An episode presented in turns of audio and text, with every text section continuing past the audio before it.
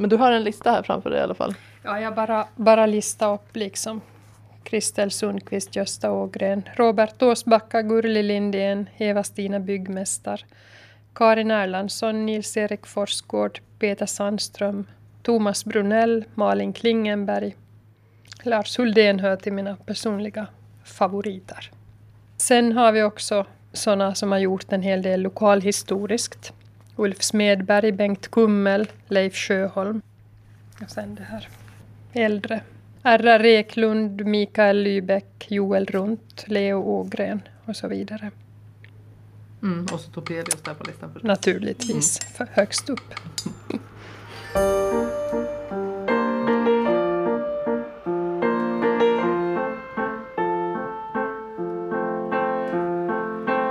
Du lyssnar på Dokumenterat.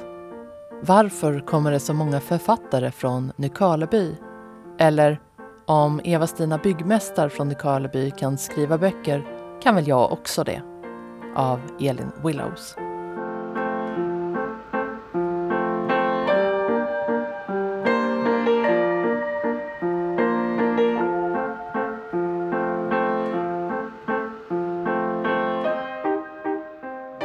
Nykarleby i Österbotten.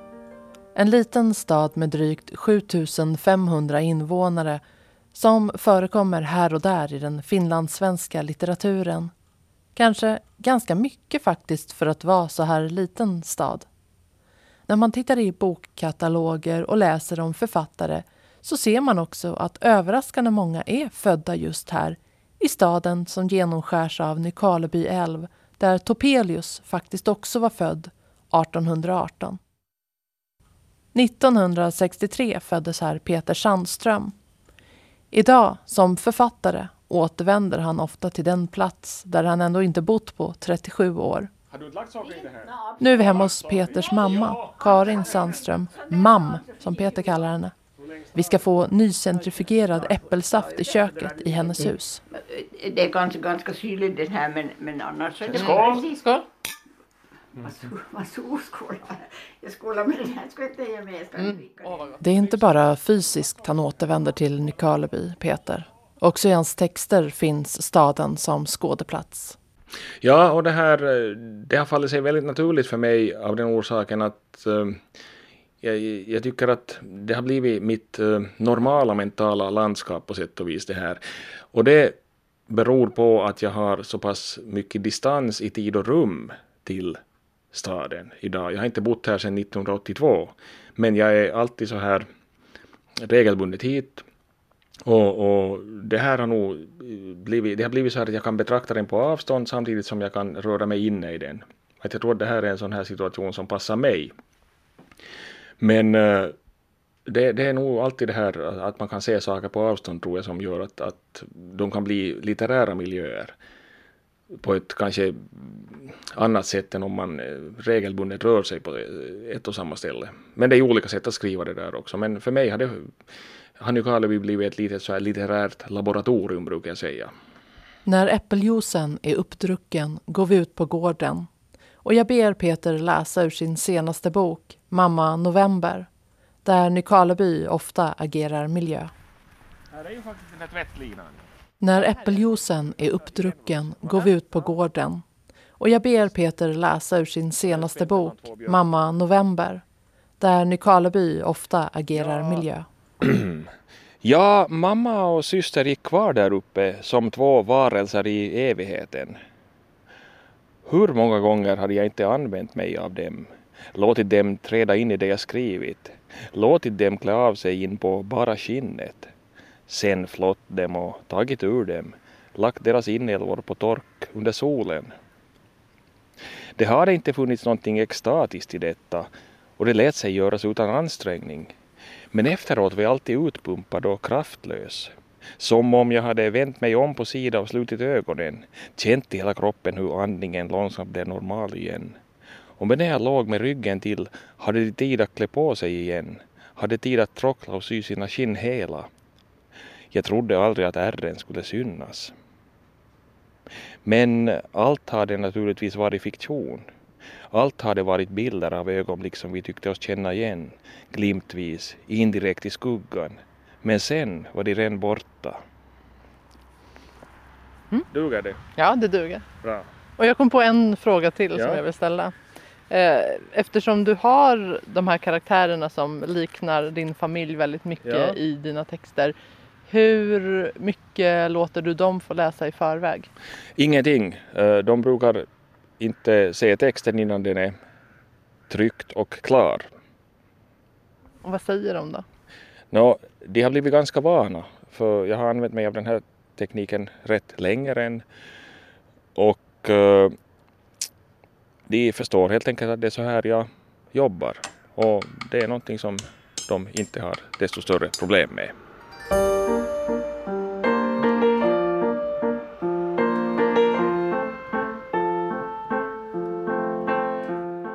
Nedanför backen där Peters mamma Karin bor ligger skolorna. Bland annat Topeliusgymnasiet där Annette Kronholm Cederberg, känd för de flesta som Nettie, jobbar som modersmålslärare sedan många år. Hon har säkert ett svar på varför så många författare fötts just här i Nykarleby. Ja, den här frågan har jag ju fått tidigare. Ehm, det är svårt att ge ett entydigt svar, men jag brukar, jag brukar börja med Topelius. Jag tror att ehm, han har liksom satt fundamentet tack vare att han är sagofarbror, men också att hans bredd i genrer är så stor. Alltså han sträcker sig allt från läroboksförfattare till, till journalist, till samhällstänkare, naturvetare och så vidare. Den där bredden finns och det betyder att, att hans verk också liksom tilltalar eh, pedagoger på, liksom i alla ämnesområden. Hur har man lyckats hålla arvet efter honom levande då här i Nykarleby? Eh, Det börjar nog redan i vaggan, vill jag påstå, med en massa språkstimulerande projekt, litteraturprojekt och att barnlitteraturen är stark. Man läser redan i dagis, man läser i hemmen. Um, och sen, sen längre upp, alltså när jag då som jobbar på gymnasiet tar emot de här unga människorna, så är det på något sätt bara en självklarhet att vi skriver. Jag har faktiskt aldrig fått frågan varför ska vi skriva? Aldrig någonsin inför en skrivuppgift. Och det har jag nog gett de mest korkade skrivuppgifterna som finns genom åren. Tror du jämfört med andra modersmålslärare i, så att säga, andra, på andra ställen, har, har du liksom tagit det här eller har du varit medveten om och försökt liksom hålla det här arvet vid liv?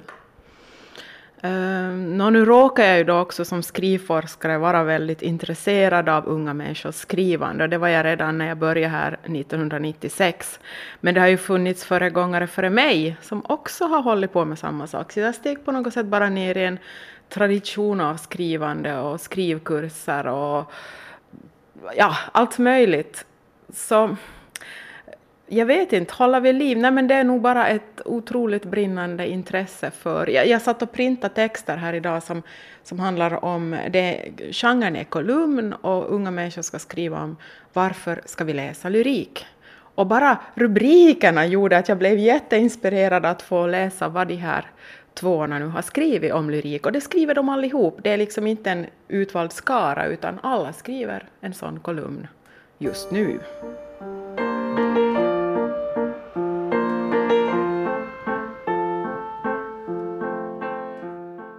Ja, det kanske är där vi ska börja, i Nykarlebys största kändis, Zacharias Topelius. För visst måste väl han ha något att göra med det faktum att det just nu finns runt 15 levande författare som är uppväxta här. Ja, det vill jag ju tro förstås. Eh, han kanske kan kännas lite avlägsen idag eftersom det är 200 år exakt sedan han föddes. Men han har alltid varit väldigt närvarande trots allt i Nykarleby.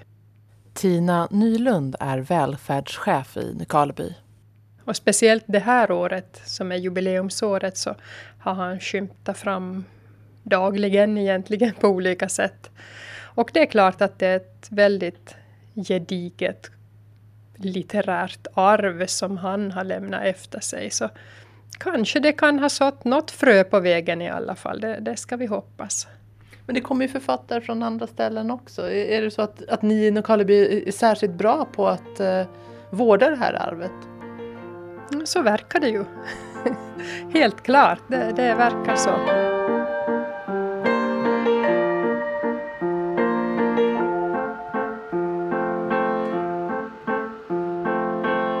Alltså, Topelius sitter så in i ryggmärgen på mig och jag antar alla andra Nykarlebybor. Författaren Karin Erlandsson, född 1978 i Nykarleby, har inte bott här på 20 år. Mamma släpar alltid varje sommar oss till Kuddnäs och vi har sett den där utställningen i hundra år känns det som. Varje topelidag i januari då är det i svinkallt så släpades hela skolan över kraftverksbron och så skulle vi stå vid den där statyn och sjunga och någon höll något, lärare höll något tal och det var kallt och snön knarrade. Eh, Topelius var liksom så här otroligt självklar så jag kan inte liksom svara på att hur det påverkat för att det måste egentligen någon svara på som inte är inkorporerad med Topelius. och det kan väl då ingen från Nykarleby? Ingen här har missat Sakris under sin uppväxt. Men kan han, så här 201 år efter sin födelse och 121 år efter sin död, hållas ansvarig för att staden fortsätter att forma författare efter författare? I och med att alla vet vad Kuddnäs är. Alla har varit dit som barn, som skolbarn. Många har säkert läst hans eh, sagor eller, eller fått dem berättade åt sig att, att han är ett begrepp, men ändå ett ganska abstrakt begrepp eftersom han, det är 200 år sedan han föddes. Så det, här, det är förstås den här, det här fundamentet som, som, som finns där i bakgrunden. Men för att, eh, för att väcka intresse i nutid för en yngre människa så behövs det också de här exemplen närmare i tid. Alltså med andra ord nu levande författare, att man ser att det finns andra som skriver. Så kanske inte Topelius själv kan tillskrivas alla de författare som kommit efter honom. Men vad gör då att det finns så ovanligt många som fötts med skrivandets gåva just här? Det här har jag funderat mycket på. Dels en sån här mm, väldigt enkel orsak att vi har en tradition av väldigt goda modersmålslärare. Ull-Britt Gustafsson Pensar och Anette Kronholm Cederberg som, som faktiskt har sett till att bland annat alltså lyfta många. Sen eh, så finns det, eftersom det finns en tradition av författare i Nykarleby var författare aldrig någonting konstigt för mig att bli. Utan jag har förstått på andra småstäder så jag visste inte ens att man kunde bli författare. Men så är det inte i Nykarleby utan där går Peter Sandström och han är författare och Lars Sund, ja han är ju egentligen som oss han också för han är härifrån. Och författare var liksom ett yrke man kunde bli precis som vilket yrke som helst. Och därför tror jag att det var helt enkelt möjligt. Och sen, sen finns det också eh, det sägs ju att man aldrig blir profet i sin egen hemstad men, och det blir man inte heller i Nykarleby men allihop är väldigt uppmuntrande. Jag har aldrig någonsin upplevt avundsjuka där. Att, eh, att det skulle vara missunnsamt eller eh, att, att liksom... Eh, allihop tror jag, jag tror inte att man ser upp till författare, utan jag tror att det är någonting helt, det är också ett yrke för alla andra. Och bra för dig att det går bra med ditt jobb, men det är inte där, det där på något sätt eh, svåra, obegripliga som man lite blir eh, irriterad på och låter det gå ut genom av, som avundsjuka. Utan det är, det är en väldigt uppmuntrande miljö där eh, folk applåderar. Och, och som författare så är det ju fantastiskt att bli applåderad, det behöver man ju ibland. Och jag vill, jag vill komma hem och jag vill Hemma är jag ju inte, jag säger ju hemma nu om ni kollar jag har inte bott där på 20 år. Uh, hemma är jag inte är jag inte författare utan jag är Peters och Inga-Lis flicka. Uh, och det, det trivs jag med. Det är en bra miljö att vara författare i smyg i där. För man blir varken mer eller mindre än någonting annat.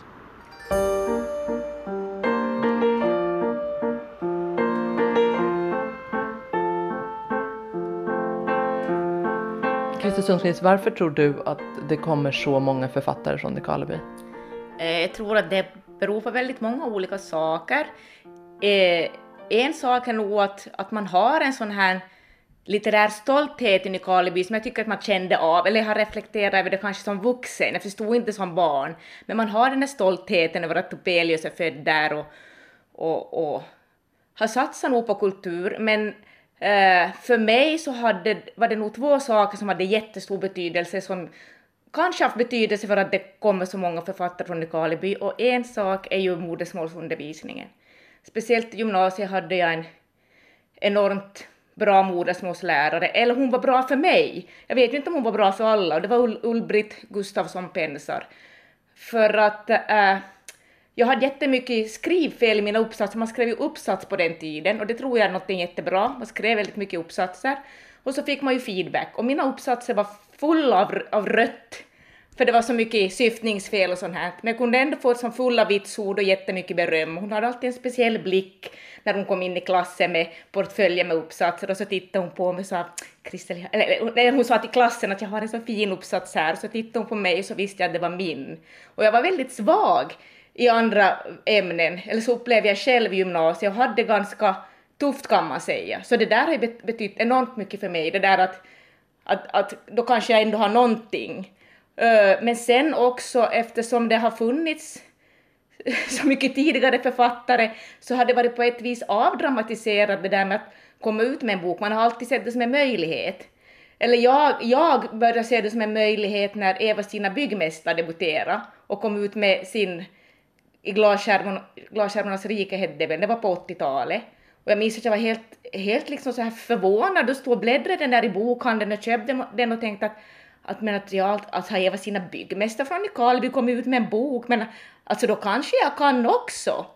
Och då började jag sammanställa det jag skrev och skicka sen in det. Och så jag tror att det, det, det är ju en liten stad, så när någon kommer ut med någonting så hör man om det liksom och så blir det, det smittar av sig kanske lite. Så, så, så jag tror att, det, jag tror att modersmålslärare har betydelse, det kan vara de som sår det där fröet i någon, ser vem som har begåvning, men sen också att att man faktiskt ser att det, det, att det inte är omöjligt. Men hur pratade man om det där då? Att det fanns författare på andra sidan gatan och runt omkring en. Pratade man om det? Jag kommer, jag kommer faktiskt inte ihåg hur mycket man pratade om det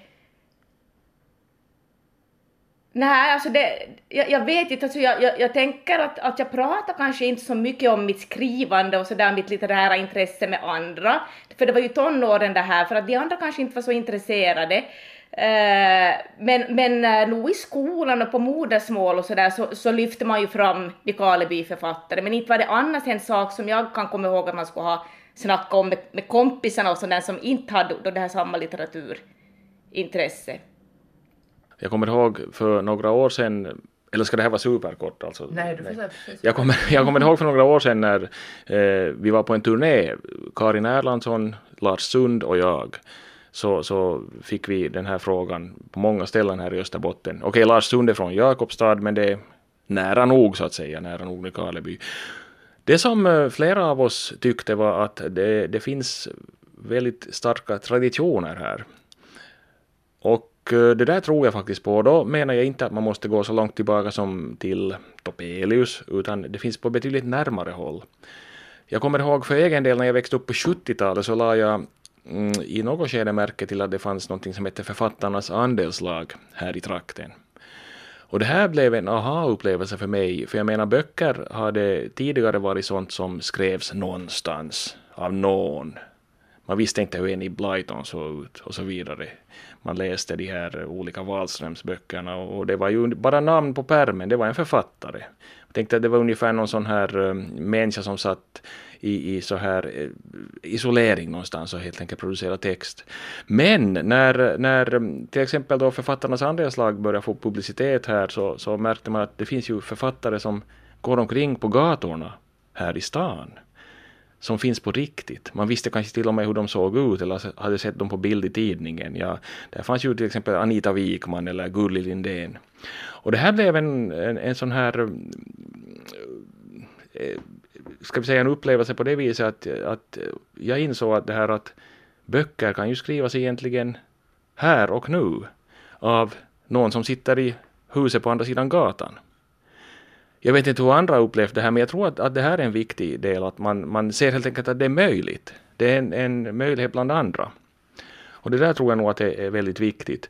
Det som eh, vi nämnde då under den här beramade turnén för, för fyra år sedan var också att, eh, att vi upplevde alla tre författare, då alltså Erlandsson, Sund och jag, att vi hade haft väldigt bra modersmålslärare som hade uppmuntrat till att läsa framför allt och också att skriva. Men jag tror att just det här läsande, det, det är liksom det viktigaste om du ska skriva senare. Du menar att det har liksom egentligen från början då funnits en uppmuntran en tradition av uppmuntrande här i Nykarleby? Mm. Mm. Både, en, både en sociokulturell och en pedagogisk om man uttrycker sig lite, lite så här uh, akademiskt här. Men uh, jo, det har, funnits, det har funnits en sån här anda av att det här är möjligt. Att det är bara att göra det. Och det där tror jag är det viktigaste. Jag tror att det kan vara, kännas kanske lika naturligt här som det känns för um, eh, folk som växer upp i fjällen att börja åka slalom. Det är väl många som åker slalom om de växer upp i fjällen antar jag.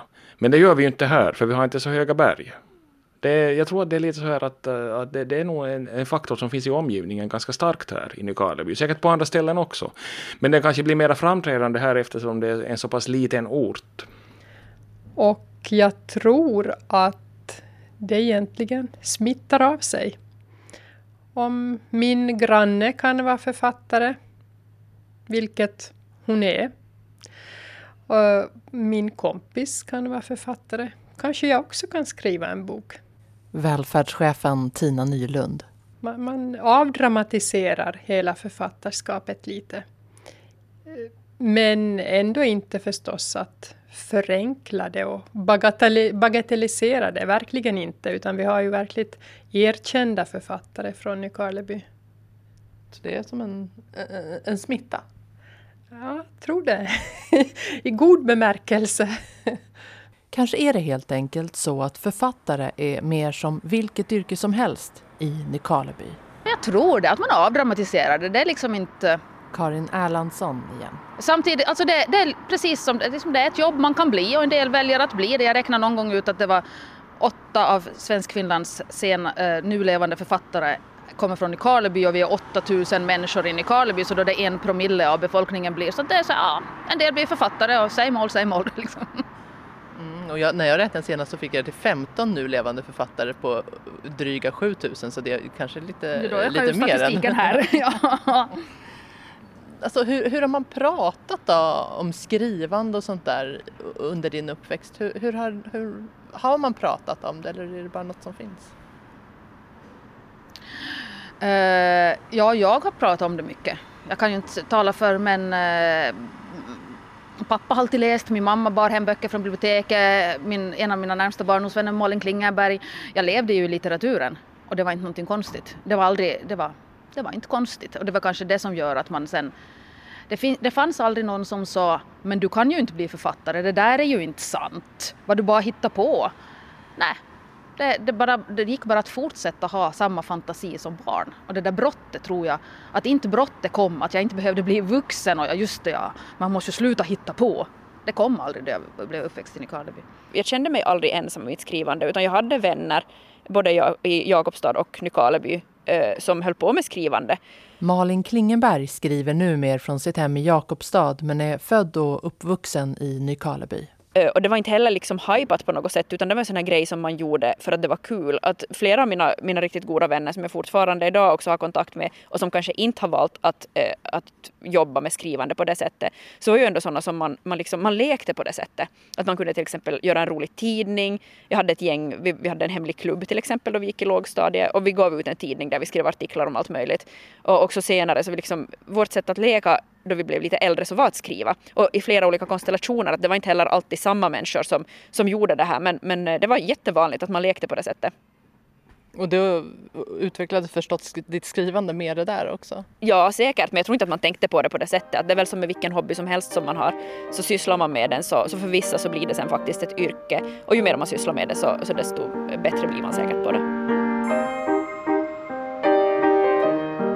Jag tror nog att det finns, alltså traditionens makt är stor och berättelsen om en själv. Modersmålsläraren Annette Kronholm Sederberg. Alltså det är en väldigt stark kraft att man, att man tror på sig själv som skrivande människa och det är ingenting konstigt och det är inte heller något extraordinärt utan det är nu bara någonting man gör. Att det är liksom väldigt odramatiskt samtidigt också. Kanske det finns en viss att man är liksom inte så rädd för att publicera sig, för det har ju massa andra människor gjort och ganska tidigt i sina liv och, och, och så här. Och det finns skrivtävlingar och ja, att helt enkelt publicera sig och idag med nätet och, och all, all, all, all möjlighet till exponering där så eh, det är liksom inte hela grejen, det är inte hela världen. Jag, jag, förstår inte på något annat sätt, för det kan ju inte handla om vattnet vi dricker eller maten vi äter på, på det sättet, utan det är nog snarare människors en socialisation in i skrivandet. Du har tagit fram här massa böcker. Mm. Det är Nykarleby-författare. Ska vi kolla? Ja. Jo, här har vi eh, allt från, ja, börjandes då med Topelius och sedan Lars Huldén, honom använder vi, Gösta Ågren använder vi. Och också mera liksom eh, prosaförfattare Peter Sandström, Karin Erlandsson, Eh, Eh, Malin Klingenberg hör ju mera kanske till barn och ungdomsbokskategorin, så henne har vi faktiskt inte här. Men hon var med i den första årsboken, så hennes namn finns nog. Och sedan lyriken, ja, eh, Eva-Stina Byggmästar, eh, Ulrika Nielsen. Alla de här böckerna används i, i modersmålsundervisningen. Vi har stark tradition av att bokprata en gång i veckan och böckerna ska in i klassrummet det är ingenting man läser under sex veckor och sen skriver man en recension, utan böckerna är ständigt närvarande, litteraturen är ständigt närvarande, alla genrer. Jag tycker också att man som modersmålslärare ska vara försiktig att stoppa en fjäder i hatten för varje, varje ny författare som föds eller debuterar i Nykarleby. Uh, snarare att gräva där vi står, alltså gräva i de språkliga och kulturella och litterära utmaningar som finns och att liksom hålla, hålla litteraturen angelägen. Alltså att, att, uh, att förse skolbiblioteket, klassrummet med texter som, som gör att det brinner liksom om texten och då tror jag också att att uh, det uppstår ett eget behov av att uttrycka sig och skriva och för det är ju det det handlar om, att hitta liksom lusten att berätta, berätta sitt liv eller berätta om sitt rum i världen, så att säga. Och, och inte liksom skriva för att bli författare eller journalist eller eh, ja, det instrumentella i skrivandet eller för att man ska skriva en hemskt, eh, avlägga ett väldigt eh, högt vitsord i studentexamen. Men sånt kan ju komma på köpet, alltså man måste liksom börja någonstans.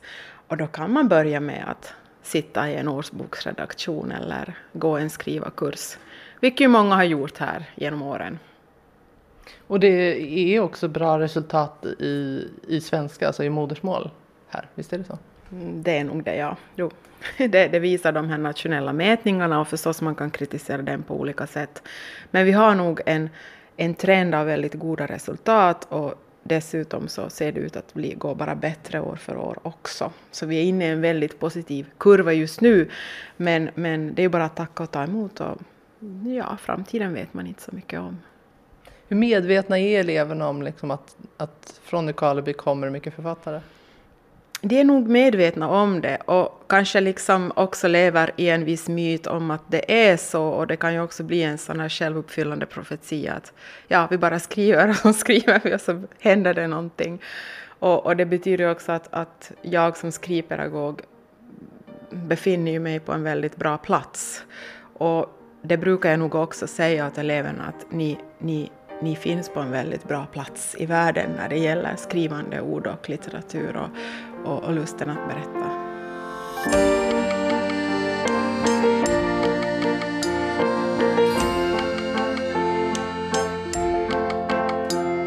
Du har hört Dokumenterat.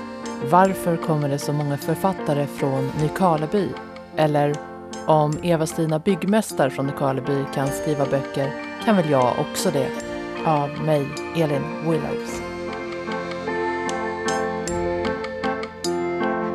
Medverkade i programmet gjorde författarna Kristel Sundqvist, Karin Erlandsson, Malin Klingenberg och Peter Sandström samt modersmålsläraren Annette Kronholm Cederberg och Nykarlebys välfärdschef Tina Nylund. Producent för programmet var Staffan von Martens.